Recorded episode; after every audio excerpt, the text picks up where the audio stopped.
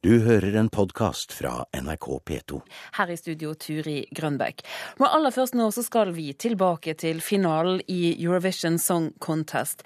Tooji burde aldri ha stått på scenen, det sier VG-kommentator Fridtjof Jacobsen. Han syns det er en skandale at NRK ikke trakk seg fra finalen i melodikonkurransen, etter at det ble kjent at en NRK-reporter ble truet og trakassert av politi og sikkerhetsvakter på flyplassen i Baku. Når NRK visste at eh, det var sånn det endte, så syns jeg det hadde vært en eh, både fornuftig og tydelig markering å trekke Norge fra den finalen for å skape oss oppmerksomhet rundt det som hadde skjedd. Ja, hva tror du det kunne ha bidratt til? Det hadde vært eh, ydmykende, ikke minst for Aserbajdsjan, som prøvde å selvfølgelig i forbindelse med dette arrangementet å fremstille seg som et mer liberalt og, og, på en måte fungerende land enn det det egentlig er nok i hverdagen. Eh, det hadde vært, et, hadde vært en veldig klar sånn prinsipiell markering av at NRK ikke finner seg i at eh, medarbeidere eh, blir behandlet på den måten når de er sendt ut på jobb av en mediebedrift. At det får konsekvenser. Det mener VG-kommentator Fridtjof Jacobsen. Dagen før Tooji sto på scenen i Grand Prix-finalen, ble komikeren Amir Askanejad holdt tilbake av vaktene på flyplassen i Baku da han skulle reise tilbake til Norge. Han hadde vært i byen for å lage en humorserie for NRK P3, og utga seg for å være en iransk TV-reporter da han intervjuet folk på gaten. Det ga ham et ublidt møte med flyplasspolitiet. Vi ble holdt der veldig lenge, eh, i en time, og de holdt der flyet i en time. Selv om de hadde sagt til de andre at de måtte bare gå. Men så holdt de en time for å gjøre det her, da. For å holde på med det.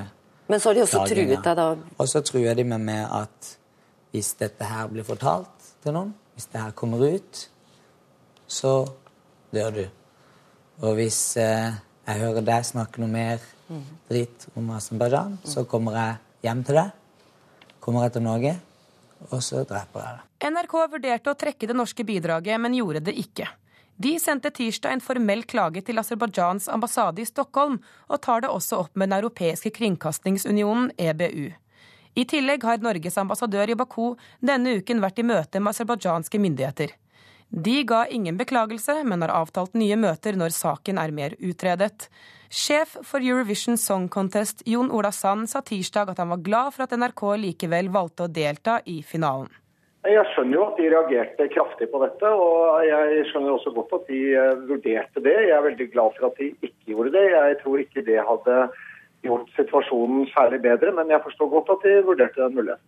Jacobsen i VG mener NRK har forspilt en sjanse til å skape oppmerksomhet rundt saken. Muligheten til å virkelig komme med en tydelig og klar reaksjon på at man har fått oppmerksomhet, den er nok litt forspilt. Hva som skjer på møter i Den europeiske kringkastingsunionen, eller om Norge sender noe brev, eller NRK sender noe brev til den aserbajdsjanske ambassade, det får ikke på langt nær den samme oppmerksomhet som det det hadde gjort hvis NRK hadde trukket seg. Eh, det tror, jeg, det tror jeg også NRK forstår. Reporter her, det var Dana Vanono. Kommentator i Dagens Næringsliv, Bjørn Gabrielsen. Du stussa også over at Tooji sto på scenen dagen etter det som skjedde på flyplassen. Var det riktig reaksjon av NRK? Ja, Nå sier jo ikke jeg, eh, som, som, enkelte andre, at, at, man absolutt skulle ha, ha, ha trukket seg. Eh, men, men, jeg, jeg stusser litt over at her hadde man brekkstang, her hadde man eh, mulighet, her hadde man virkemiddel. Um, og så har jeg kanskje litt lett for å tenke sånn mano a mano, ombre a ombre. Uh, type ansiktstap og, uh, og, forspilte muligheter, som jo også uh, Jacobsen nevner der.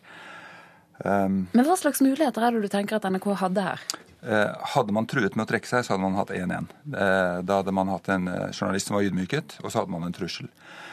da, det er et utgangspunkt for dialog. Når, når, man da deltar allikevel, og jeg jeg forstår veldig godt at, at, man deltar. Alle som deltar i den konkurransen, føler at de kanskje har en sjanse til å vinne. Slik sett er dette veldig forskjellig fra, eh, fra idrettskonkurranser. Eh, men eh, man forspilte da muligheten. Og så blir man jo veldig nervøs av å tenke på Hadde det noe med Ashkeneriad eh, eh, rolle som en ganske perifer journalist? Hadde det noe med hans bakgrunn å gjøre? Hva om det var en prominent norsk journalist som var blitt utsatt for det samme? har man da forskjellige regler. Eh, da tror du at dette ville vært annerledes hvis det var en høyt profilert eh, dagsrevyreporter? Ja, hadde det vært Per Sunde som skulle spytte på det norske flagget, eh, så lurer jeg på om situasjonen kanskje ville vært vurdert annerledes. Vi skal spørre programdirektør i NRK Per Arne Kalbakk. Gjorde dere riktig vurdering da dere valgte å ikke trekke dere fra konkurransen? Det kan man helt klart, helt klart, diskutere, og det gjorde vi også. Jeg er jo helt enig med både Gabrielsen og Fridtjof Jacobsen og alle andre som sier at dette var et totalt uakseptabelt overgrep eh, mot våre medarbeidere, og som vi reagerte og reagerer veldig kraftig på. Så diskuterte vi det, om vi skulle trekke oss. Eh, nettopp eh, for å gjøre denne markeringen, få denne oppmerksomheten. Men vi kom til at det ville være eh, like mye å ramme Den europeiske kringkastingsunionen, EBU, hvor vi har vært med siden 1950, Eurovision-konkurransen som vi har vært siden 1960, og våre egne og de andre artistene som tross alt var utenfor dette. I denne konkurransen som arrangeres hvert år i ulike land, litt tilfeldig etter hvem som vinner.